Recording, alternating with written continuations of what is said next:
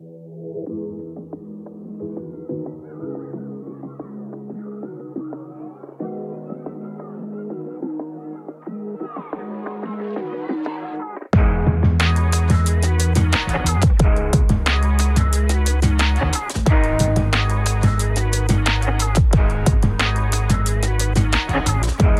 Posloucháte wrestlingový podcast Kávička s Michalem a to s datem 4. srpna 2022. Po delší době vás opět zdraví Michal Petrgal. Hned na úvod v krátkosti něco k patronům, protože to byla věc, která se řešila před několika měsíci.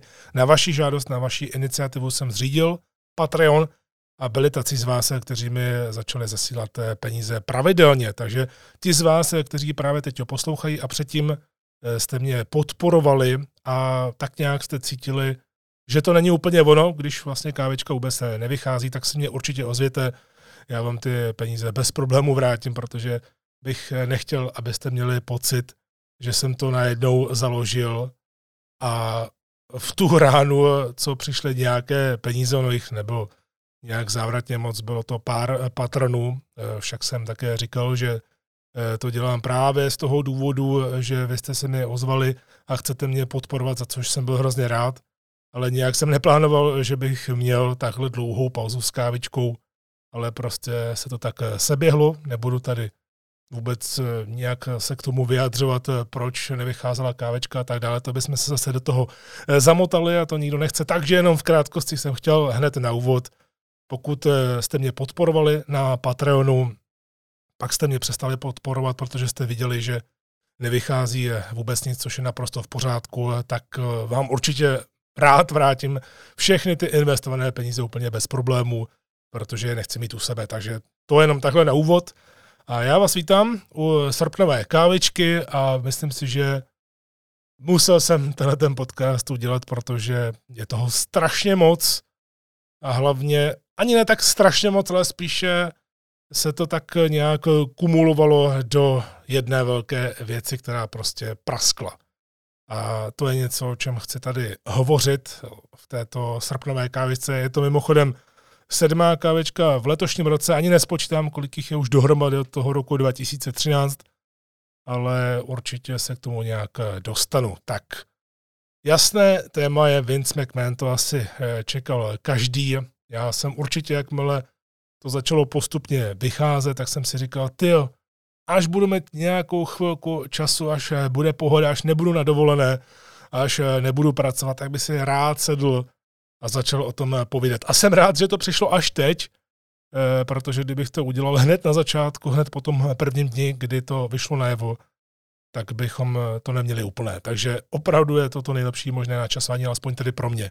Nevím, jak to cítíte vy. V každém případě pokud jste vůbec nečetli žádné wrestlingové zprávy, pokud jste spali v létě, což asi bylo hodně obtížné vzhledem k tomu obrovskému horku, i když já, jak jsem byl na dovolené v Atenách, tak eh, tady horko v České republice se nedá vůbec srovnat s tím, co jsem zažil v Řecku. Tam byla 45 stupňová vedra.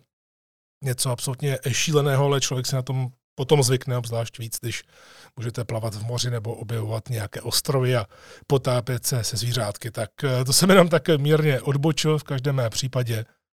A pokud jste to náhodou vůbec nezaregistrovali, tak Vince McMahon odstoupil a pak odešel. Říkám to schválně takhle, je v tom eh, záměr. Je to podle mě asi největší zpráva v historii zpráv. Takhle asi nějak bych to uvedl. Jenom asi v krátkosti bych eh, to měl dát do souvislostí. Vince McMahon nejprve začal být vyšetřovaný ohledně používání firmních peněz na, řekněme, zábavu s holkami.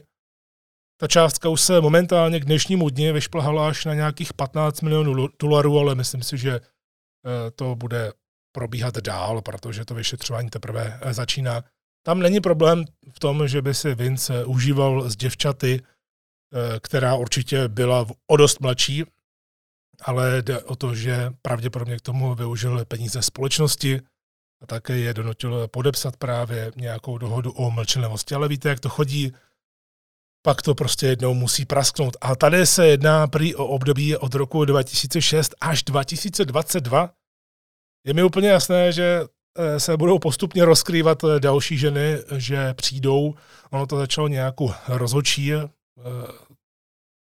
Toho jsem si alespoň nevšiml, mělo to být v 80. letech, ale je mi úplně jasné, že nebyla jediná, protože jakmile se ozve jedna, tak se ozvou další. Některé se ozvou jenom vyloženě kvůli penězům, což bylo také v rámci Meetu nebo Speaking Out ohledně wrestlingu, ale je úplně jasné, že se ozve celá řada dalších žen, které se cítily být podvedené, což je naprosto v pořádku. Takže je v tom ta realita a je v tom samozřejmě také kalkul u některých, které vůbec s tím nemají nic společného, kterým se nic nestalo. No a pro mě je to taková zajímavost, protože když se vrátím tak asi měsíc, měsíc a půl zpátky, eh, tak ono se spekulovalo o jméně Rosa Mendes. Asi si ji pamatujete, byla to taková hezká eh, latína, ovšem s českými kořeny, protože se jmenuje původně Milena Roučka. No a já jsem se o Roze dozvěděl, že by ona mohla být tou další ženou, eh, která byla nějakým způsobem zneužívána, nebo prostě měla aférku s Vincem, to tady nebudu rozebírat, prostě mu to přeju, že se s ním dali dohromady mladší ženy, to není na mě, abych to tady hodnotil, jestli to je správně nebo ne, prostě my řešíme to, co se dělo eh, potom a hlavně, jak to ovlivňuje wrestling. Ale zmiňuji Rosu Mendes naprosto schválně. Vzpomněl jsem si na to, když jsem teď o tom začal hovořit, tak Rosa Mendes se tam nějak objevila, nevím, kde jsem to přesně objevil. V každém případě pro mě to bylo hodně symbolické protože tohle jméno jsem se dozvěděl asi den poté, co jsem se úplnou náhodou naživo bavil s její sestrou, přátelé. Její sestra uh, je nějaká odbornice, teď nevím, jestli sestra nebo sestřenice, to je jedno, má stejné příjmení, tedy Roučkova, tak uh, je odbornice přes koně, tedy parkour, uh, parkourové skákání s koněmi a ona vystupovala na nově s mým kolegou a on mi právě říkal, ale uvěříš, teď s kým sedím a bavím se tady o americké zábavě, tak jsem musel zmínit tebe, takže to pro mě byl takový šok najednou, i když samozřejmě k Rose Mendes jsem neměl nějaký vztah, že bych jí strašně moc fandil, ale vzhledem tomu, že má ty české kořeny, tak mě to hned zajímalo, jak se asi má, kde zhruba je. A právě den po tomhletom, jak tomu tak už bývá, ty energie všechny, tak se najednou objevila tahle ta spekulace Rosa Mendes, ale to jsem jen tak odbočil ze svého vlastního života, ze své vlastní zkušenosti. Takže říkal jsem, že Vince McMahon odstoupil. E, to je schválně řečeno, protože on dál vystupoval na obrazovce, což bylo naprosto bizarní. A když jsem se na to díval a zároveň jsem to komentoval a člověk nevěděl, že se tam objeví, respektive to první vystoupení ve SmackDownu právě po těch zveřejněných problémech, tak bylo avizované asi logicky e, k nahnání sledovanosti, jak také jinak. Ale ta první dvě vystoupení v Raw a SmackDownu, já sám u sebe jsem vnímal jako takové, řekněme, postupné loučení s diváky. Měl jsem z toho ten pocit, když jsem ho sledoval, ty jeho oči, jak mluví, jak vlastně tam neříká nic extra zajímavého, e, tak byť to bylo hodně divné s ohledem na okolnosti a určitě to muselo naštvat některé lidi eh, v zákulisí, že prostě najednou se tady objevuje Vince McMahon, jako by se nechomililo, byť není ještě skončeno vyšetřování, on nebyl obžalován, nebyl žádný soudní proces, prostě ctěme presumci neviny, ale je mi asi jasné, že to musí být nepříjemné.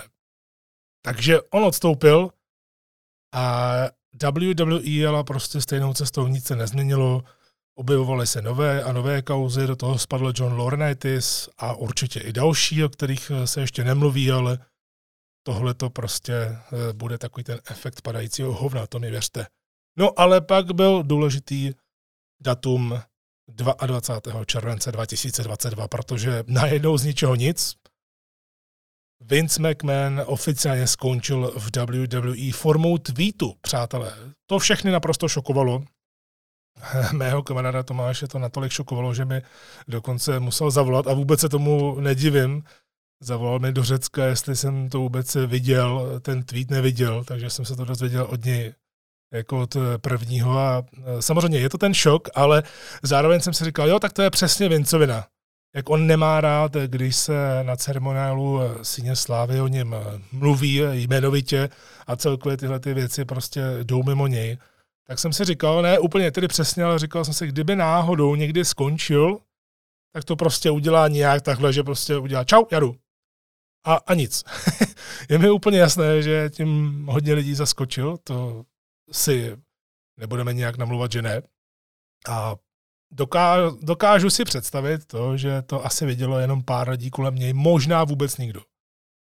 Proto to bylo tak šokující, možná to asi viděla jeho dcera a také Triple H. Ale říkám to právě z toho důvodu, že najednou bylo tady nové vedení, jakože opravdu vedení, ne, že se tam změnil vedoucí kreativního týmu, nový scénárista a tak dále, prostě, nebo nový finanční ředitel, prostě opravdu nové vedení. Nick Khan a Stephanie McMahon jako společní výkonní ředitele, řekněme. A Triple H nejprve dostal tedy pozici Lorena Tase, což je dobře, a to je šéf Talent Relations, takže se měl starat o wrestlery, jenomže po pár dnech se oznámilo, že bude také členem, respektive ne členem, ale šéfem kreativního oddělení. Takže když to takhle vnímáme, tak od 22. do 25. 7. se odehrály nejdůležitější věci pod pokličkou. Ono to všechno změnilo celou tu situaci. Najednou Vince McMahon už nebyl v zákulisí najednou na všechno dohlížel Triple H a on byl ten filtr, jak se vždycky říkalo, že Vince McMahon to je WWE to je prostě one man crew. Vince dělá strašně moc věcí a všechno musí mít eh, pod dohledem a on byl vždycky ten filtr. I když kdokoliv vymyslel cokoliv, tak on to musel vždycky schválit. A tím člověkem teď měl být, a také, že byl hned od začátku, Triple H. Takže bylo naprosto jasné, hned od začátku, když člověk vůbec nic nevěděl a ještě nic neviděl nového, takže musí nastat změna v produktu, respektive minimálně v těch eh, postupech. Bylo mi úplně jasné, protože už jsme zažili tolik restartů, tolik slibů a tak dále, že se to změní, budeme naslouchat fanoušku a tak dále a tak dále, že stejně budou skeptici. Nejenom tedy skeptici ohledně fanoušků, nevím, jak jste to měli vy, já jsem nic eh, na české, slovenské scéně nečetl, v zahraničí eh, také nic moc, ale Eh, nejvíce ozýval CM Punk, což mě dost překvapilo, i když zase ne, protože on je pan Morousek vzhledem k WWE, takže asi to tam bude mít pořád v sobě. Ale docela mě překvapilo, jak se vyloženě explicitně v rozhovoru vysmíval lidem, kteří věřili, že to opravdu Vince už nebude táhnout. Protože on říkal, jestli si myslíte, že Vince nebude někde tamhle sedět a nebude tahat za nitky, tak jste hloupí. Myslím si, že pokud to myslel vážně, tak teď je hloupý CM Punk sám, protože je to úplně jiné. A to jsme teprve na začátku. Je to neuvěřitelná změna éry, protože když si vezmete, tak já tady je to úplně, když teď o tom mluvím a snažím se dát dohromady ty své myšlenky, tak pořád je to takové seriální z mnoha důvodů. Ale vezměte si to, 1982 až 2022 byl Vince McMahon na téhleté pozici eh, v WWE 40 let. Přišel v roce, kdy odkoupil firmu od svého nemocného otce, který pak umřel. A předělal to na dnešní WWE, předtím WWF. Takže člověk, eh, když to tak nějak vstřebává, ačkoliv to bude dlouhou dobu podle mě trvat, to vstřebat pro nás, tak řeknu jedno. Nebýt Vince McMahona, to je úplně jedno, jaký máte na něj názor, jestli to je senilní dědek, že ho nesnášíte, že vám, řekněme, skurvil wrestling, když to takhle úplně přeženu slovně, tak je úplně jedno, jaký máte názor. Ale nikdo mi nevymluví to, že nebýt jeho, tak 99% z nás se v Česku a na Slovensku nedostane vůbec k wrestlingu. A neoblíbí se ho od jakékoliv éry, Attitude eh, ty karikatury na začátku 90. let, na konci 80. let, tady také máme nějaké pamětníky z toho, co já vím. Takže, přátelé, pro nás všechny je to poprvé, kdy sledujeme wrestling bez Vince. Neříkám, že by Vince umřel, ale v podstatě jak skončil, tak Vince pro nás neexistuje. A tohle to je na tom to strašně zvláštní, když, si to, když se nad tím zamyslíte. Já jsem taky, začal jsem v 90. letech nejprve sice WCW, ale pak ke konci 90. hlavně ten rok 2000 jsem začal sledovat právě WWF. Takže jsem v tom taky ponořený právě kvůli Vincovi. Protože pro nás, pro mnohé z nás, Vince a WWFE se prostě rovná dětství. Jak jinak to také říci. Ale samozřejmě nesmíme přivírat oči, protože to by byla také hloupost, byť jsme stále fanoušky a měli bychom si to užívat. Já to vždy akcentu, abychom si brali to pozitivní, protože jinak vás to sežere zaživa, jinak najednou budete nesnášet to, co jste měli vždycky rádi, jenom právě proto, že se zaměřujete jenom na to negativní. To byl ostatně i důvod, proč jsem začal podcast Kávička před devíti lety, abych vytahoval spíš ty pozitivní věci. Ale samozřejmě nesmíme přivírat oči, protože sice to pro nás bylo dětství a tak dále, ale je naprosto jasné, že ten systém, se stal sám vlastním nepřítelem. Prostě z toho nešlo vůbec ven. Člověk se mohl snažit jakkoliv, ale bylo úplně jasné, že dokud opravdu, opravdu neskončí Vince nějakým způsobem, eh, tak se prostě vůbec nic nezmění. Tedy vůbec nic zásadního se nezmění. Takže to, co přišlo teď, tak je opravdu vlastně ten první příslip úplně, něčo, no, eh, úplně něčeho nového, a to nejsou jenom uh, řeči, jenom takové ty pobídky, jo, pojďte to teď sledovat, teď to bude jiné. Je to prostě holý fakt, protože to předchozí vedení, ten předchozí režim, to už není, to všechno padlo, nějakou dobu to bude trvat, bude tam nějaké přestupní období, to je jasné, ale WWE se úplně změní.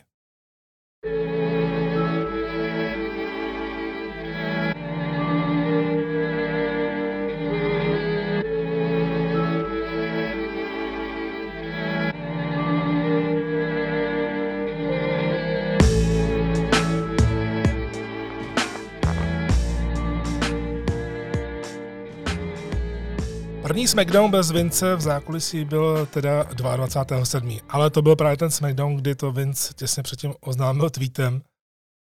Člověk to vůbec nechápal. Já jsem byl v Řecku, jak jsem říkal, volal mi to můj kamarád Tomáš a měl jsem právě v řeckém studiu namlouvat nebo komentovat SmackDown ten den poté, tedy hned ráno. Zpátka na sobotu je SmackDown normálně v tom našem časovém pásmu a my to vždycky vyrábíme hned v sobotu ráno, teď tedy eh, v řeckém studiu, protože se prostě musí neustále vyrábět a nebylo možné to dělat eh, v Praze. Takže pro mě to bylo něco nového, ale jak jsem to sledoval, tak eh, bylo jasné, že to ještě není úplně taková ta změna. Pokud jste náhodou už čekali hned změnu, tak ono je zapotřebí tam dodat to, že ten SmackDown 22.7. u nás vysílaný o den později, tak byl napsaný už předtím a nic se prostě neměnilo. Raw 25.7., které bylo v Madison Square Garden, konečně zase televizní show WWE v této hale, kterou mám strašně rád. Mám z ní hodně vzpomínek, ne tedy osobních, že bych tam byl, ale eh, to, jak jsem to tehdy sledoval. Survivor Series s prvním Elimination Chamberem, v WrestleMania 20 tam bylo a tak dále. Takže to Ro v Madison Square Garden ještě bylo napsané Vincem a jeho týmem předtím, tedy týden předtím. A Triple H už do toho tak nějak začal uh, zabrouzdávat, řekněme, ale ten úplně čistý první pořad WWE jenom pod Triple H'em a jeho týmem, který se mu zodpovídá a on je má všechny na starosti a má to všechno na svoji zodpovědnost, tak byl až 29.7. A první ro bylo v tomto týdnu, tedy první ro pod Triple H'em, čistě pod Triple H'em, bylo až v tomto týdnu po SummerSlamu. Takže jsme vlastně dostali, a to je hrozně zajímavé a také takové unikátní, řekněme, dostali jsme tím pádem dva pohledy. Dostali jsme první show před eh, pay-per-view, kterou musíte udělat a je to vlastně placená akce, prémiová akce, chcete-li, tak eh, je to prémiová akce s build-upem vašeho předchůdce. Takže to je první pohled. A pak první show hned po té dané placené akci s úplně novým přístupem a kapitolami. Já tím, jak eh, komentuju eh, Raw SmackDown, tak prakticky se všímám mnohem víc detailů, než když se na to dívám jako divák a člověk se nechá hned rozptýlit. Člověk, jak má tady ve studiu sluchátka na uších a neustále to poslouchá také. Vnímám i to, co říkají američtí komentátoři a tak dále. Zkrátka sleduju toho daleko víc v tom stejném pořadu, než když by se na to díval jako divák. Tak hned mi bylo jasné, když jsem komentoval Raw Madison Square Garden, že tam už jsou viditelné drobné změny k lepšímu. Právě v té, z hlediska dramaturgie, z hlediska toho, jak to vypadá na obrazovce, z hlediska té flow, plynulosti a tak dál. Ono je jasné, že to nebude hned lusknutím prstu. Myslím si, že Triple H by to tak ani nechtěl a asi to ani nejde. Ale líbí se mi, že k tomu přistupuje tak, že spíš dělá zlepšováky, že spíš to vylepšuje postupně. Což bylo zajímavé, protože, jak jsem říkal, SmackDown 29.7. byl první pod Triple H'em, ale napsaný ještě se zápasy od Vince předtím. A navíc to byla poslední propagace před eh, SummerSlamem. Takže obrovské změny se sice nedali vůbec čekat, ale přesto Hodně toho přišlo ještě eh, v Madison Square Garden, jsme hned začali ro, rvačkou mize s Loganem Paulem bez nástupovek, prostě hned rovnou eh, do akce, to je mi úplně jasné, že Vince by to nikdy neudělal. Nebo další příklad.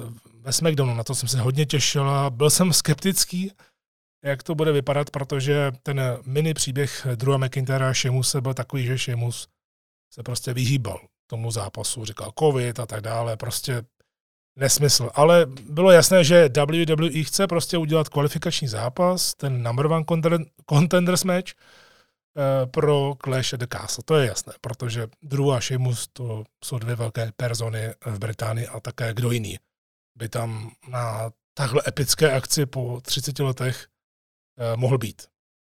Takže ten její zápas opravdu proběhl, neměl pravidla prakticky, kromě toho, že druhově zakázali meč, ale člověk, když to sledoval, tak uh, mohl opravdu vnímat, jak to bylo bez bullshitu, konečně se odehrál. Hned byl na začátku SmackDownu, aby eh, Triple H a spol nalákali ty lidi, aby je dobře naladili. Mělo to super stopáž, mimochodem 25 minut, včetně reklam. A kdo byl pozorný, tak si mohl všimnout, že tam bylo hodně volnosti v tom zápase, protože jak jsem to komentoval, tak pro mě to eh, byl skoro infarkt, protože takovéto zápasy v televizním vysílání WWE mám sporadicky, Eh, takže člověk je hrozně rád, když přijde něco takového. Já si právě třeba pamatuju, když se ještě loni komentoval NXT, dostali jsme takeover, tak třeba pro mě byl super zápas na komentování. Adam Cole, Kyle O'Reilly, i z hlediska toho příběhu, z hlediska té brutality, nebo Io Shirai versus Ricardo, Ricardo uh, Raquel González. Plně mi to právě naskočilo, že tam je hned Ricardo Rodriguez uh, u pana Alberta Del Ria. Jeho jméno bych ani tady neměl vyslovit, ale teď udělám jinku. No a když jsem se na to tak díval, tak uh, spousta spotů by rozhodně u Vince nikdy neprošlo. Třeba, když dám příklad, házení žilí na hlavu. Samozřejmě on se kryl, a to je dobře, že se kryje, ale tohle by u Vince neprošlo. Možná s nějakou výjimkou na jeden rok, že by to bylo jenom na placené akci ten zápas jejich vypadal více jako rvačka, než eh, že by to byla secvičená choreografie eh, zápasu bez pravidel. Samozřejmě, Drew a Shimu se dobře znají, zápasí spolu od druhých 19, takže jsou na sebe zvyklí, ale byla tam vidět ta změna, kromě toho, že to byl super kvalitní zápas a byl to takový přídavek SummerSlamu. Kdo třeba říkal, to jsou blbci, proč to nedali na pay Protože proč by všechno mělo být na pay Musíte také prodávat Eh, televizní show a je vidět, že tenhle ten nový režim nebude ty televizní pořady chtít prodávat jenom na základě nějakých proslovů a podobně. A už jenom právě ten druhý proslov poté, co porazil Šimuse, jak se mu nechtělo ho kopnout do hlavy, což byla velmi emotivní chvíle, já jsem to také prožíval, i vnitřně, i ne vnitřně úplně, eh, samozřejmě, tak eh, už jenom to promo, jak se pouštěl do Romana a vlastně říkal to, co si opravdu lidi myslí aniž by působil tak, že by se jim chtěl zalíbit. Prostě to slovo part-time champion tam zaznělo a on chce být pro ty lidi, že chce sebrat Romanovi ten titul, aby ho tam měli, aby ten hlavní titul, ten Undisputed Championship, aby prostě měli častěji na vysílání. Takže už ta kamera při tom jeho promu byla uh, trošku jiná, nebo třeba krátký zápas, který byl ve SmackDownu, v tom prvním SmackDownu pod Triple H, tak dával smysl si vyhrála čistě nad Aliou, která konečně zápasila. Předtím asi tak tři týdny po sobě vždycky jenom čekala, co Lacey Evans a tak dál. A vypadala jako trapka. A tady si měla tři minuty, eh, dokázala prodat svůj finisher, který vypadá velmi pěkně. To takové DDT, kdy zalomíte ještě eh, superce nohu, jako kdybyste se doma protahovali, kdybyste si protahovali kyčle, tak takhle ona zaboří superce hlavu pomocí DDT takže i takovýhle malý zápas, protože já bych třeba nechtěl vidět šoci Alia 10 minut, proč? Alia nemá ty schopnosti na to utáhnout takový zápas a šoci také není úplně super wrestlerka, ale jako celková postava, eh, jako ten charakter mě hrozně baví a ukázala mi to tehdy na NXT Halloween Havoc, kde byla tou moderátorkou, tak tam si myslím, že právě ukázala tu uh, svoji sílu. Ale největší změna v tom prvním SmackDownu byla určitě to, co se dělo eh, v zákulisí, tedy v zákulisí, ale na obrazovce, protože tam byl takový ten šílený segment, měli jsme tam slepice jako Natálie a prostě kafrali tam přes sebe. A největší změna byla ta, to se eh, u Vince to vždycky má nějaký začátek a konec, má to prostě mantinele, vypadá to všechno stejně, co si budeme povídat. A tady byl prostě zákulisí a samozřejmě to, o čem tam mluvili, tak to byla trapárna, ale tak eh, bylo to asi schválně, to je mi jedno. Ale v jednu chvíli Ronda Rousey, která evidentně minulý týden, ten předchozí týden zmlátila Soniu Devil eh, v komerční pauze, tak Ronda Rousey odešla z toho segmentu a kamera ji následovala. Najednou byla v ringu a byla v aréně a lidi to bavilo dokonce i tak týmový zápas, který ani nebyl dopředu oznámený, tak eh, Liv Morgan a Ronda Rousey člověk by si řekl, že to bude taková ta klasika, že ty eh, budoucí supersky na pay-per-view prostě budou mít problémy s komunikací a tak dále, anebo naopak vyhrají a pak jedna praští tu druhou. A tady naopak dobře zahráli ten příběh Liv Morgan, že nechce tegnout Rondu Rousey, aby jí dokázala, že je schopná dokázat ty věci sama a je to taková message pro ní, na SummerSlam, že to ona se postará sama o, sebe, o sebe a porazí Rondu Rousey. Takhle by, přátelé, teď týmový zápas pod Vincem nikdy neprobíhal. I teď týmové zápasy, však víte, ty šílená, ta šílená pravidla, jaká občas Vince měl, tak prostě člověk to dokázal predikovat dopředu. Já třeba nemám vůbec nic proti hotagům. Hotagy jsou skvělé, my, my je používáme i eh, na AOV. Je to prostě součást wrestlingu, kdy úplně to nabombíte do těch lidí, kteří čekají právě konečně na toho hrdinu, aby vstoupil do toho ringu a vyčistil ho, tak já třeba dobře provedené hotagy mám strašně rád, protože to vždycky dokáže zvednout tu energii v hale. Eh, a tady ten týmový zápas se vyprávěl úplně jinak.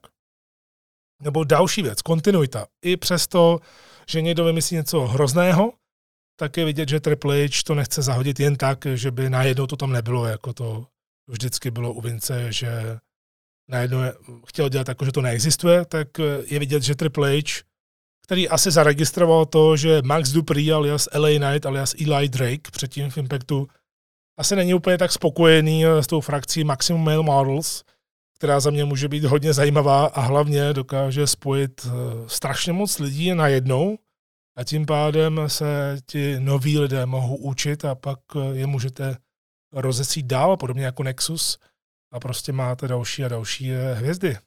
A dokážete je prostě takovýmto eh, způsobem implementovat na obrazovky, podobně jako Spirit Squad, ale tam to dopadlo, jak to dopadlo, i když někteří, jako třeba Dolph Ziggler, z toho vytěžil celkem dost, stejně jako Kenny Dijkstra v podstatě e, potom. No a Max Dupree, e, ten vlastně najednou Týden předtím nebyl, byla tam jeho sestra Maxine a on nebyl nikde. Tak byly samozřejmě spekulace a bylo vidět, že tak Triple H má LA Knighta hodně rád, LA Knight, Max Dupree, eh, to je prostě klasa, ať už jako manažer, ať už jako speaker, i je dobrý wrestler, takže najednou byl zpátky, jenom v takovém malém segmentu vedle sestry, takže je vidět, že Triple H ho asi tak nějak přesvědčil, nebo se s ním o tom pobavil, že to bude takový začátek, kdy může pomoci právě méně zkušeným wrestlerům eh, se prosadit a pak bude třeba sám za sebe, nebo kdo ví, co se stane. Eh, v každém případě tam větší volnost. Také se vytvářejí svěží zápasy. Jsou nové kombinace. To je něco, co k smrti nesnášeli fanoušci i tady v Česku a na Slovensku, když jsem se o tom s nimi bavil, nebo když člověk eh, jenom četl ty komentáře, že asi nejvíc WWE nesnáší právě na to, že furt odvety, furt odvety. A tady už za ten týden a něco vidíme nové kombinace, klidně i face versus face, heel versus heel. Prostě je tam znát ta snaha o to, aby každý zápas v televizi měl nějaký význam, být třeba jenom malý. A nejenom to. Dokonce je i jasně vidět, že se zápasy, a to jsme teprve na začátku, že ty zápasy se prodloužily, což bylo mimochodem nejvíce patrné v RO tento týden.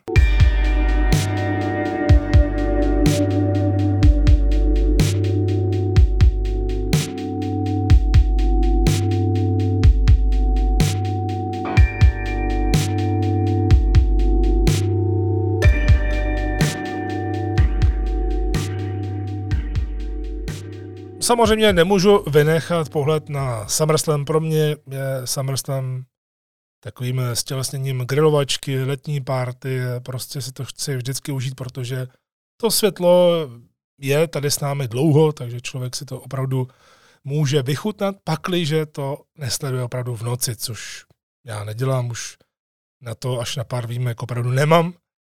V každém případě ten SummerSlam víceméně byla definitivní brána. Protože to byla akce, podívejte se na to, jak WWE vypadala teď a také dobře sledujte naše jasné prohlášení a otevření nové brány. Takže se dodělalo něco starého a vytvořilo něco nového, protože je jasné, že SummerSlam byl hotový ještě za Vincova režimu. A to znamená, že Triple H pracoval s kartou, kterou sám nedával dohromady. Klobou dolů před ním, to není vždycky jednoduchá věc, ale Triple H a spolu se s tím eh, popasovali výborně. A právě to je ta symbolika, to je ten paradox, eh, pozitivní paradox, protože díky tomu mohlo ukázat svůj um a také cit pro to, jak to pojmout a zároveň přidat svoje vlastní věci. Na to jsme ostatně všichni čekali, protože Triple H začal být i sdělnější na Twitteru. A sám říkal těm talentům v zákulisí, což také bylo uzvěřeněno, že chce, aby to prostředí pro ně eh, bylo příjemné, aby se bavili tím, eh, čím se živí. Takže to jsou úplně jiná slova, než normálně vycházela ven na povrch. Většinou to byly jenom, nějaké korporátní keci, ale tady opravdu taková naděje, řekněme. Tedy naděje pro většinu z těch, kteří naději třeba ani neměli. Říkám, že všichni musí být eh, prosazováni, to nejde, ale vypadá to, že svítá na lepší časy. Tohle opravdu měla být eh, první ukázka toho, jestli opravdu svítá na lepší časy pro wrestlery a také pro nás. No, nejvíc eh, kromě vytváření těch eh, svěžích zápasů a že nemáme neustále odvety a podobně, tak já jsem se těšil na vymyšlení různých konců, protože je jasné, že tím WWE obyčejně vždycky trpěla. Prostě, že to je pořád to samé. Finisher a čau. Nikdy to nemůže být nějak jinak, právě v kombinaci. A to bylo vidět hned na začátku SummerSlamu, že tady přijde velká změna. Dostali jsme pěkný ženský zápas, který neurazí. Uzavřela se roční rivalita, která fungovala mimochodem dobře i ve Vincově režimu. Bianca Belair a Becky Lynch. Ty si prostě hodně sedly, Becky umí výborně vyprávět v ringu a zároveň také dobrá wrestlerka. Bianca je hrozně šikovná, má fyzické dovednosti a nutno říci, že posledních pět minut bylo opravdu excelentních, ale nejvíc bych vypíchnul právě ten finish. Protože aby definitivně dala tečku za tou rivalitou, ať už se pak bude dít cokoliv, my jsme hned viděli, co se bude dít, tak dát definitivní tečku za tou celou storyline pomocí super kombinace, nejdřív Spanish Fly, což samozřejmě Bianca dokáže, a hned po Spanish Fly její finisher KOD. Takže sice je to placená akce a Vince občas právě nějaké takovéto kousky nechal, když to někdo vymyslel, ale jinak v drtivě většině Vince tyhle ty propracovanější sekvence skoro vůbec nedával. Prostě to vždycky muselo mít nějakou tu rutinu, vždycky nějaký pevný vzorec a nescházelo se z toho moc. Tenhle ten match hned na úvod SummerSlamu potvrdil, že Bianca je opravdu top hvězdou což je mimochodem také Triple práce, protože se o ní staral ještě tehdy v NXT. A bylo to také potvrzení, že Becky skutečně dokáže cokoliv. No a když jsem hovořil o tom, že to má být nějaká tečka a pak se něco bude dít, tak se dělají dokonce dvě, věty, eh, dvě věci. Dvě věci, které vám ukázaly, že opravdu tam není Vince a je tam Triple H, protože Becky okamžitě, byť já jsem tedy byl takový napjatý a říkal jsem si, že to zase bude nějaká podlost, tak Becky okamžitě podala ruku Biance, což by se i hodilo právě po té roční rivaletě a ten timing na tohleto byl super. Udělat face turn Becky, která se snažila, snažila a snažila tu Bianku nakonec nedokázala překonat jinak, než za těch 26 sekund loni na SummerSlamu. Takže to bylo takové odčinění právě toho loňského SummerSlamu, kdy Becky se vrátila po mateřství a Vinci hned turnul na Hila. I když předtím odcházela Becky jako největší hvězda ze všech, The Man. A opravdu o ní se mluvilo strašně moc, možná už si to někteří nepamatují, ale Becky Lynch byla top hvězda. Ještě právě před pandemí. Takže to byl první jasný bod, kdy Triple H dal zcela určitě najevo to, že Becky chce mít jako face, protože v tom jsou strašné prachy a Becky se v tom charakteru The Man cítila absolutně výborně. A já se tomu nedivím navíc teď, když je tam Triple H a ten nemá problémy skoro s nikým, dejme tomu až na pár výjimek, tak tím, že má i rád Ricka Flaira, že se mají vzájemně rádi, Rick Flair teď měl ten úplně poslední zápas ve 73 letech, takže tím, jak, Vince, eh, tím, jak Rick Flair s tím předtím měl problém, když začal mít sám problémy s WWE, která ho najednou odstranila, tak eh, se vyhrožovalo tím, že se bude žalovat WWE za používání toho demena. Najednou demen tam už je odro.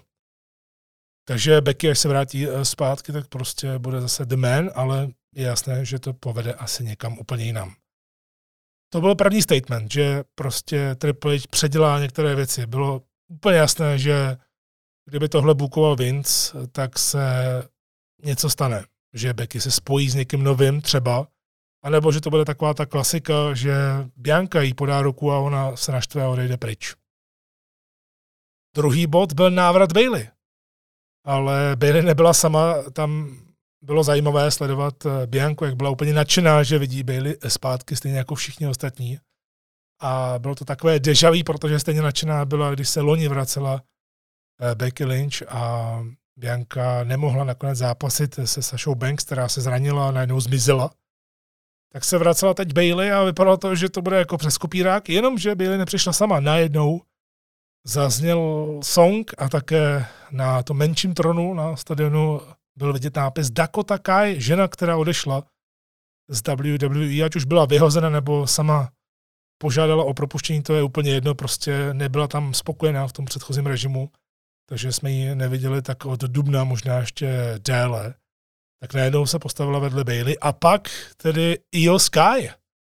Sice na tronu bylo napsáno Io Shirai, kterou dobře známe, ale hlasatelé o ní hned mluvili jako Io Sky, člověk by se asi řeklo nejprve, že udělali chybu, ale když to pak opakovali dokola, tak eh, bylo celkem evidentní, že to bude asi nové jméno. Což hned, jak se stalo, tak já jsem se říkal, ale, ale, ale, tady určitě lidi budou kafrat, eh, že se těšili na to, že Triple H je ve vedení, tak se nebudou nesmyslně měnit jména, ať už to byl Walter na Guntra, nebo eh, Pete Dunne na Buče, nebo sbírání těch Eh, křestních men do eh, nějaké zavařovačky, že tam dáte prostě Tomasa, dáme, dáme tam Antonia, dáme tam Austina a bude prostě jenom Teory, Cesaro, Champa a tak dál. Tak na tohle se lidi těšili, že už nebude, tedy to nesmyslné, protože Triple H to ostatně prosazoval v NXT, proto jsme tam viděli Samoa Joe, Adama Koula, Rodrika Stronga a tak dál. A dokážu si představit, že lidi byli naštvaní, co se děje. A já jsem tak nějak přemýšlel o tom, proč zrovna teď se mění jméno, takhle u jeho Shiraya nedalo mi to a začal jsem to sám zkoumat. Nikde to nebylo ani oficiálně. Já už jsem o tom vlastně mluvil během komentování toho posledního ro a napsal jsem takovou mini úvahu na ProWrestling.cz, kam si občas eh, něco napíšu. Jenom tak někdy, jinak samozřejmě ty stránky jsou kluků a starají se o ně dobře, takže já občas tam něco takhle lidově řečeno vybleju. No a říkal jsem si, že musím na to nějak eh, přijít, nebo alespoň si udělat nějaký názor a ta moje teorie je taková, že když Io Shirai přicházela do WWE, tak logicky společnost si chtěla zaregistrovat nějak tu známku, třeba se domluvili, že ona jim propůjčí to jméno, které používalo v Japonsku, to dělá běžně teď AJ Styles, předtím to dělal Samoa Joe, takže nic nového, jenomže přišlo se na to, že opravdu, když se člověk podívá do uh, patentového úřadu, do toho seznamu, kam se může podívat každý, a trošku zabrouzdá, tak Io Shirai tam vůbec není. Io Shirai v Americe prostě není vůbec patentovaná. Ale je tam patentovaná Lo Shirai. A to je pravda. Je tam patentovaná už několik let Lo Shirai od WWE patentovaná a to je taková sranda, protože Io, samozřejmě, když se na to podíváte, velký I je prostě malé L, to je také pravda, takže někdo to třeba z právníků mohl vnímat jako, že to je L. Nevím, co se tam stalo, ale právníci to registrují. Takže si zaregistrovali Lo Shirai a celou dobu, co byla Io Shirai v NXT, tak eh, tam nebyl copyright. Ale v NXT se toho moc neřeší, to víme, eh, protože když Keith Lee přestupoval eh, do hlavního rosteru, tak kromě toho, že měl zdravotní problémy, tak se tam hodně řešilo to, že on jim nechce prostě předat ten copyright na to jméno Keith Lee, tak aby nad ním měl stále kontrolu, což je naprosto v pořádku. No a Io Shirai logicky musela podepsat novou smlouvu. Všichni musí podepsat novou smlouvu, když přestupují nebo se tam objeví.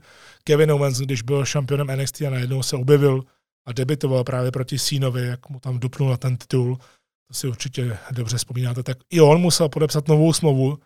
A přece jenom, když podepisujete smlouvu s WWE, tak nejenom, že je to nechutně, podrobné, dlouhé, nikdo tomu nerozumí, ale řeší se úplně všechno. A dokážu si představit, že tady se zjistilo, hele, i Shirai, to nemáme vůbec patentované. Jak to?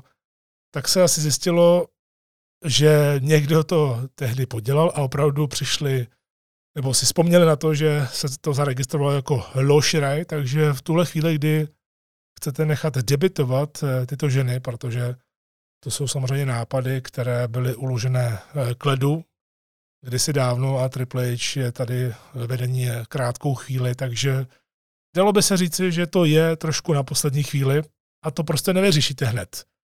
A zároveň chápu z toho obchodního hlediska, že nechcete pustit na obrazovku někoho, eh, kde vám nepatří to jméno. Samozřejmě výjimky jsou Pat McAfee, Logan Paul, prostě velké hvězdy, ze kterých máte daleko víc, když právě použijete to jméno, to jejich jméno eh, na obrazovce, než abyste je přejmenovávali tak eh, si dokážu představit, že prostě přes tohle to nešlo, právě i z hlediska třeba nějakého právního, tak se řešilo třeba právě s IO, jestli jim to propůjčí. A možná se jí třeba nelíbily podmínky, nebo říkala, dejme tomu, já nevím, co tam probíhalo, ale mohla říct, hele, já tady budu ještě třeba dva roky, tři roky, pak bych se chtěla vrátit zpátky do Japonska, tam ukončit kariéru a chtěla, být, eh, chtěla bych mít stále ještě to jméno, takže bych vám nechtěla prodat úplně ta práva, nebo tam byl nějaký ten koncenzus prostě, že se to úplně celé změní, aby nad tím WWE měla kontrolu. Takže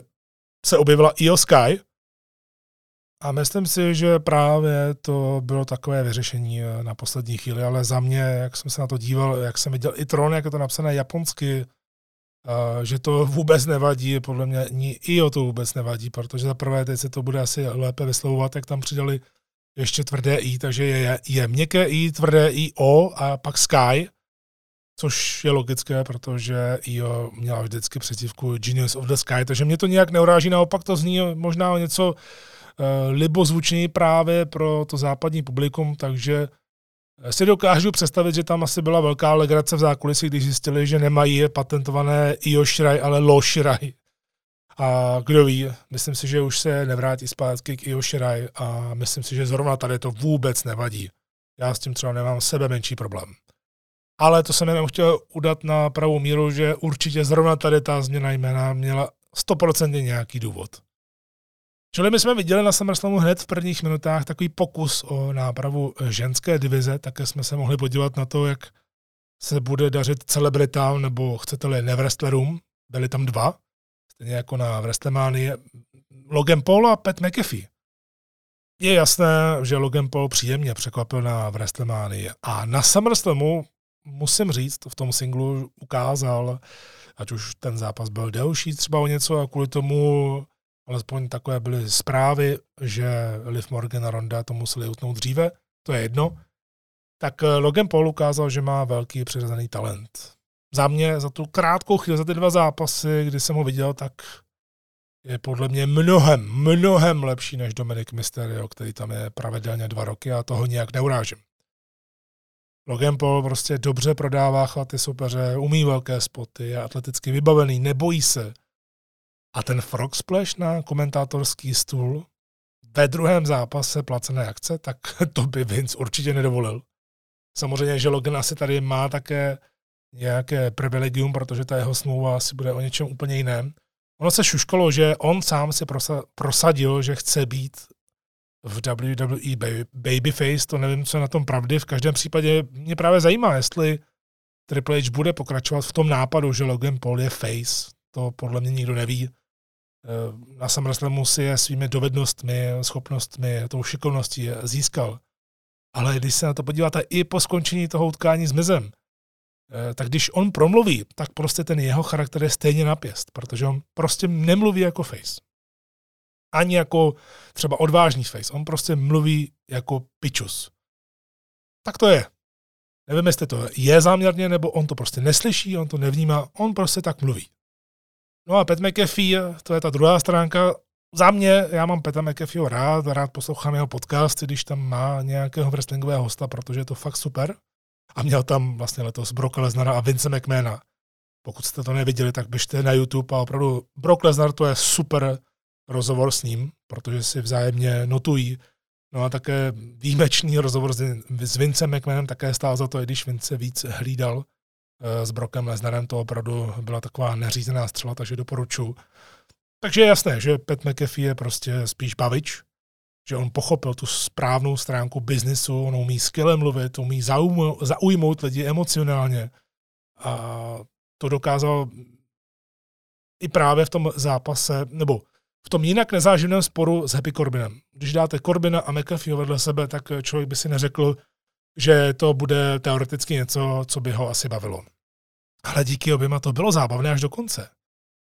Já jsem třeba hrozně ocenil, to mě úplně sundalo, když Pat McAfee, nevím jestli sám, nebo jestli ho to napadlo a sám si to financoval, prostě, že jeho nástupovka měla zbor, měla chorály a ty začaly ještě, když nastupoval Corbin a chorálovitě tam zpívali Bahamas Corbin. To opravdu bylo něco strašně vtipného. Mimochodem ta nová nástupovka Peta McAfeeho eh, tak je za mě hodně chytlavá ale v tom zápase je potřeba říci, že Peci prostě ukryl moc velké sousto, eh, kdy s Corbinem chtěl dělat chvaty, které mu vycházely s menším teoriem na WrestleMania a předtím s Adamem Koulem v NXT.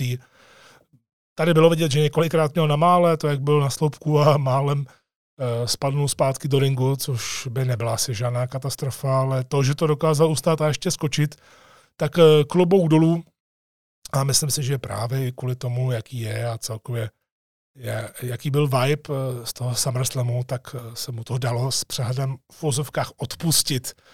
Ale samozřejmě stejně ta WrestleMania, kdy Vince ho nakopnul tím míčem a to byl finisher, tak to prostě nejde překonat. Upřímně, to opravdu byla strašná zábava, byť to bylo v tom předchozím režimu, tak WrestleMania byla opravdu strašně zábavná.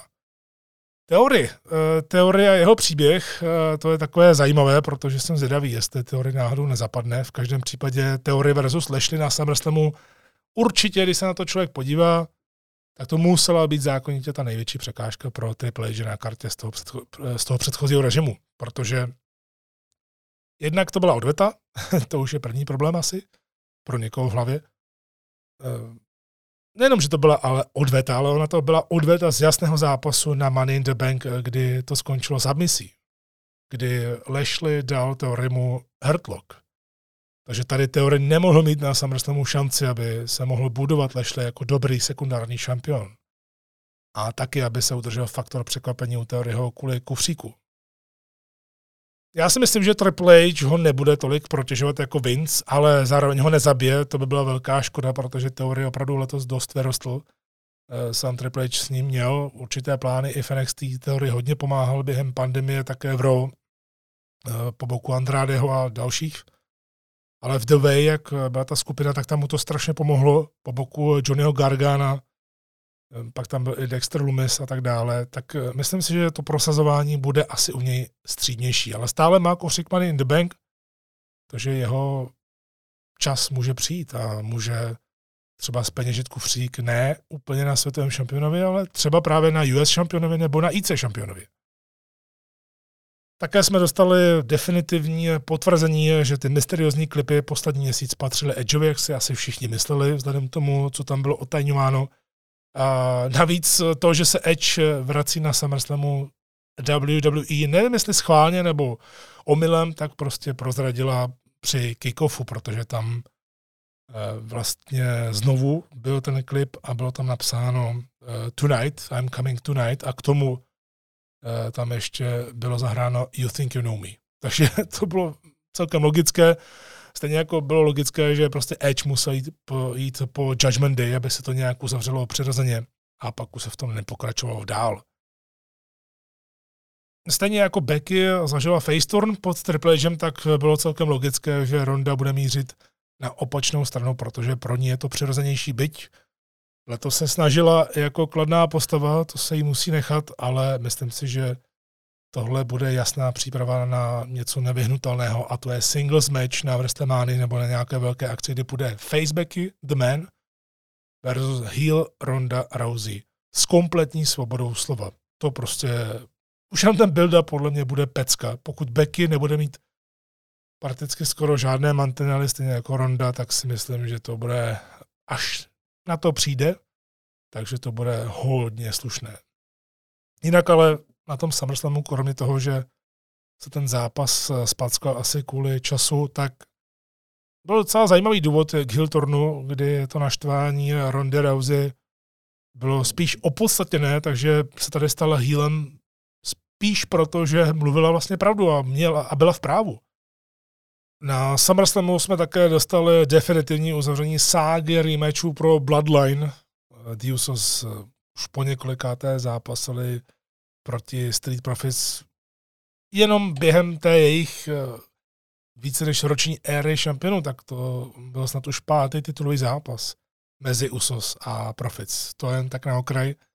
Tentokrát jsme dostali Jeffa Jarretta, hodně lidí se ptalo, proč zrovna eh, jeho tak on má vysokou funkci v WWE, kterou získal asi před měsícem. Vypadá to, že Triple H ho nevyhodí, ale hlavně je z Nashville, takže se to udělalo i právě kvůli tomu.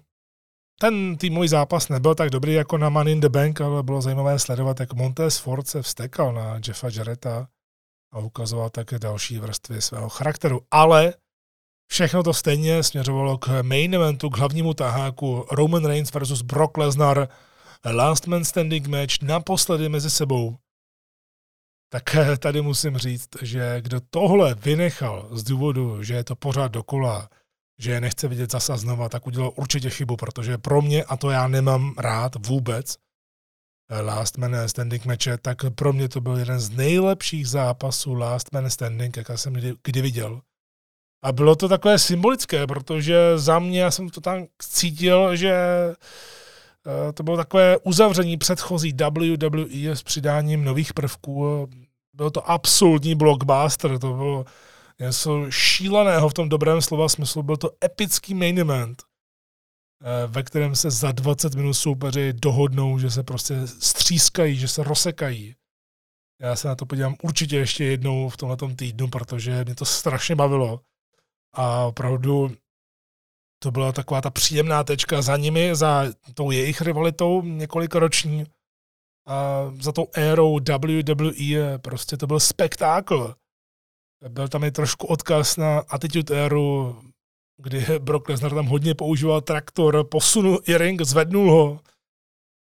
Prostě oba z toho zápasu vyšly perfektně. Roman Reigns stále jako totální tribal chief, kmenový náčelník, jako šéf celé WWE, dalo by se říci, který ale zároveň nedokáže zvládnout těžší zápasy sám.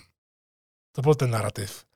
No a Brock Lesnar i přes porážku opravdu vypadal, jak se říká v angličtině, jak milion babek. Takže za mě tohle využití Lesnara je správné. Žádných pět minut nějaké brutální řežby a předčasný konec, ale tohle bylo super vyprávění a tím, že Lesnar ještě mimo obrazovky se pak loučil s diváky v Atlantě, tak si všichni mysleli, že to asi byl konec.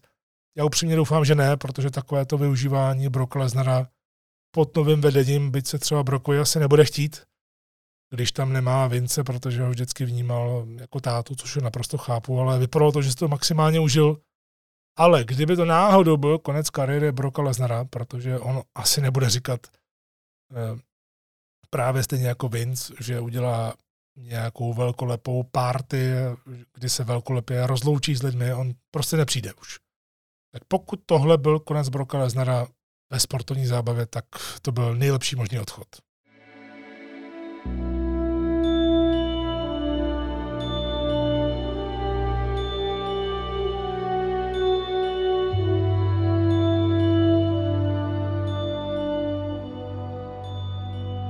jste to slyšeli sami, eh, přátelé, a musím k tomu dodat, že teď eh, je to pro mě opravdu jedna radost komentovat. Je to teprve na začátku, mám za sebou pod tím, tím novým vedením eh, dva pořady, SmackDown a Raw, ale když se podívám na to, jak jsme začínali před rokem a půl na Comedy House, každý týden s českým komentářem a měli jsme to bez diváků. První měsíce my jsme vstoupili na obrazovky bez diváků. V wrestling bez diváků. V Thunderdomu, eh, v Performance Center. Tak eh, je to obrovská dlouhá cesta a teď eh, si myslím, že to bude obrovská jízda. Teď poprvé jsme skutečně pod opravdu novým vedením a musím říct, z vlastní zkušenosti a profese, tak je to skvělé i pro komentátora, protože se těšíte víc. Ne, že by mě to předtím nebavilo, ale přeci jenom teď najednou se tam můžu i víc vyřádit, protože budete mít mnohem více kombinací, budete moci víc mluvit o té historii, víc propojení a tak dále, eh, protože k tomu právě směřuje i ten nový produkt pod Triple H. Takhle nějak vypadala v dobách své největší slávy NXT, a když to spojíme ty nejlepší věci a zároveň uděláme ty nejlepší věci z WWE a propojíme to, tak to bude skvělá kombinace. Já už teď můžu říct, že Ro, to poslední Ro, teď, které jsem komentoval vyšlo na Comedy House 3. srpna, tak bylo jedno z nejlepších, byl to prostě jeden z nejlepších celistvých pořadů WWE za poslední roky od začátku do konce.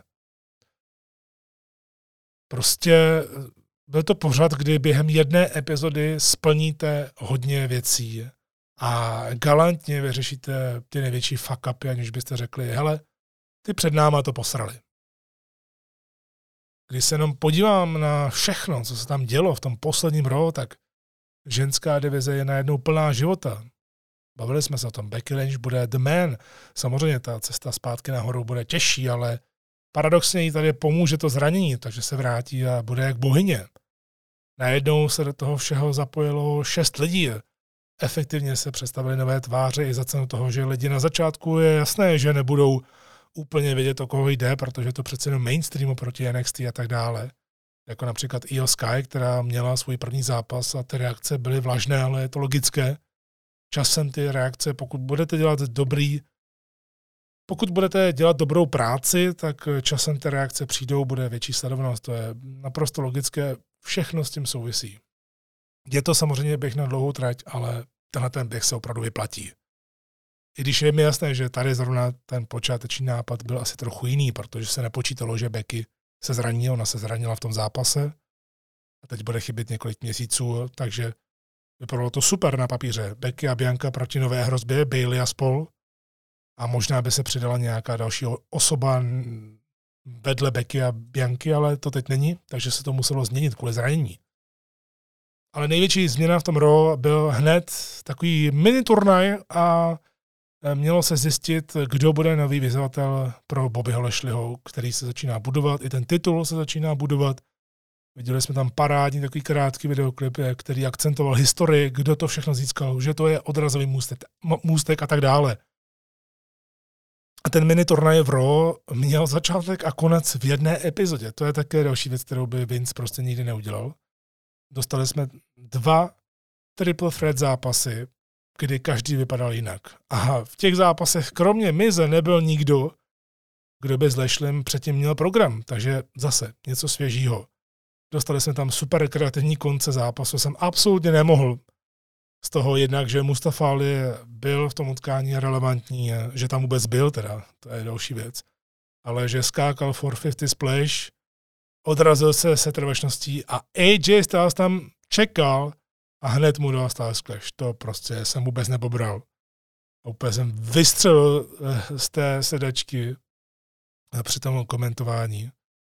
Eh, takže nejenom super kreativní konce zápasu, ale budování nových jmen nahoru, ať už to jsou mladé tváře nebo zkušenější, jako je právě Čampa, který dostal největší push během jednoho večera za celou dobu od té doby, eh, co je v hlavním rastru. Když se člověk na to zaměří, přátelé, tak eh, pod Vincovým režimem Čampa tiše doprovázel Mize.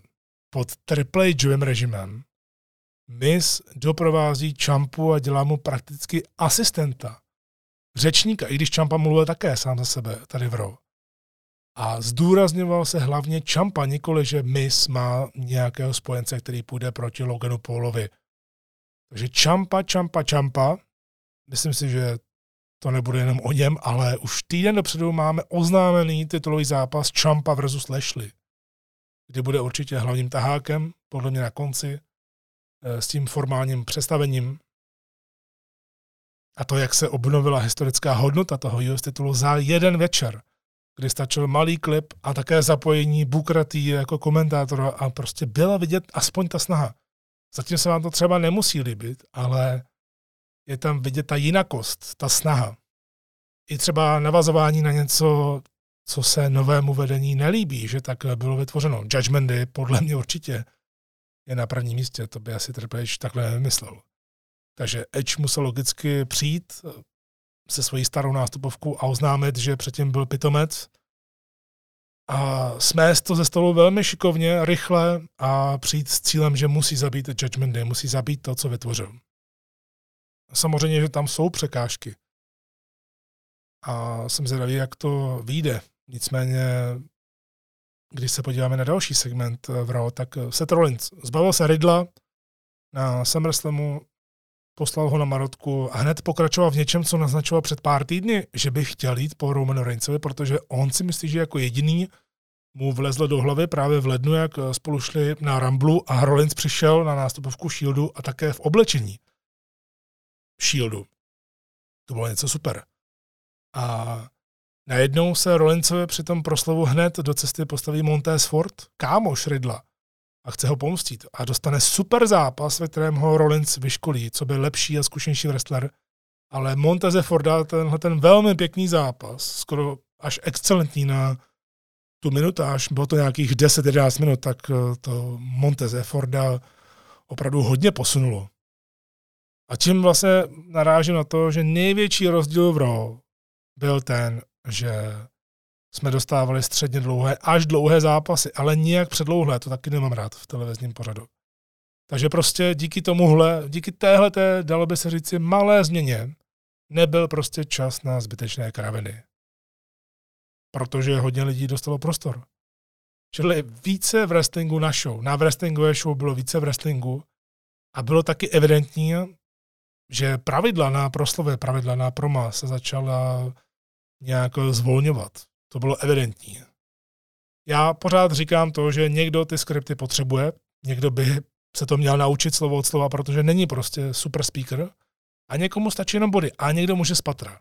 Takže já bych to nechal prostě podle toho, jak se kdo cítí a vypadá to. A ještě těsně před eh, natáčením této kávečky jsem si přečetl jenom takových pár vět, co na mě vybavlo na mobilu, že už je to dokonce ze zákulisí potvrzené, že Triple H vlastně zrušil tu povinnost těch eh, scénářů a že opravdu se k tomu bude přistupovat právě spíš eh, přirozeněji. A tím se vlastně zjistí, kdo na to má víc a kdo na to nemá. Takže sami vidíte, přátelé, že se blízká na lepší časy, protože za mě Raw a SmackDown plus teda placené akce, prémiové akce, to je jedno, tak eh, teď budou výhledově velmi sledované, to si myslím, ale hlavně budou velmi sledovatelné. To je to hlavní. To je ten hlavní rozdíl v těch dvou slovech. Prostě tyhle ty pořady budou sledovatelné. Ať už tomu dáte šanci nebo ne, tak eh, kdo ano, tak určitě pokud chcete někde začít sledovat, tak doporučuji od SummerSlamu minimálně ten hlavní tahák Reigns Lesnar musíte vidět a pak rovnou můžete navázat na Raw. Samozřejmě Raw a SmackDown můžete stále sledovat s českým komentářem Raw každou středu, SmackDown každou sobotu od 20 hodin. A co se povedlo mezi tím, co jsem se vám nepřihlásil s kávičkou, tak se povedlo zařídit dokumentární pondělky, přátelé. Každé pondělí je nový dokument z dílny WWE, to je absolutní pecka. Takže máme pondělí, středa, sobota v prime timeu na Comedy House patří v wrestlingu. V Česku a na Slovensku to je něco šíleného. A ještě se také povedlo dohodnout, obzvláště u těch eh, dokumentů, že nebudou jenom na Comedy House, ale budou na kanále, který je dostupnější více lidem, a to je Premier Sport 1. Takže kdykoliv vychází nový dokument na Comedy House, tak hned v úterý je premiéra na Premiéra Sportu a pak celý týden reprízy právě na tomto kanále, takže se to dostane k více lidem a právě ty dokumenty jsou tou správnou volbou, protože to není nic časového, že byste to museli sledovat aktuálně a navíc to díky právě té produkci WWE zaujme mnohem, mnohem víc lidí, což je teď ještě symbolické, protože jak se změnilo to vedení a kdyby někdo viděl dokument a řekl by si, hele, já bych se na to chtěl podívat právě s českým komentářem, abych tomu rozuměl, eh, kde to dávají, tak se podívá, zjistí to někde, ať už přes wrestling web nebo právě přes Tali a tak dále, tak eh, se podívá, že to je ve středu a v sobotu a když na to narazí, tak teď ten první dojem eh, bude mnohem lepší. Právě kvůli tomuhle, že ten produkt se bude prostě graduálně zlepšovat. To mi věřte.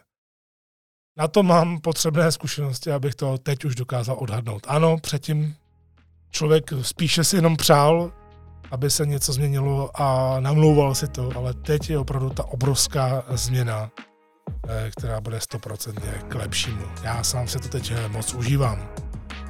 No a tím bych eh, završil tuto kávičku na začátku srpna. Pokud byste měli nějaké dotazy, tak neváhejte je poslat na Instagramu Michal Petrgal, na mém Facebooku také Michal Petrgal, klidně do soukromých zpráv k příběhům a tak dále. Já se to prostě najdu a těm dotazům se eh, vyjádřím buď ve vysílání na Comedy House a nebo u příštího dílu kávičky. Ale v té dnešní epizodě je to už vše. Já vám všem děkuji za poslech. Loučí se s vámi Michal Petrgal. Mějte se fajn, opatrujte se a káva s vámi.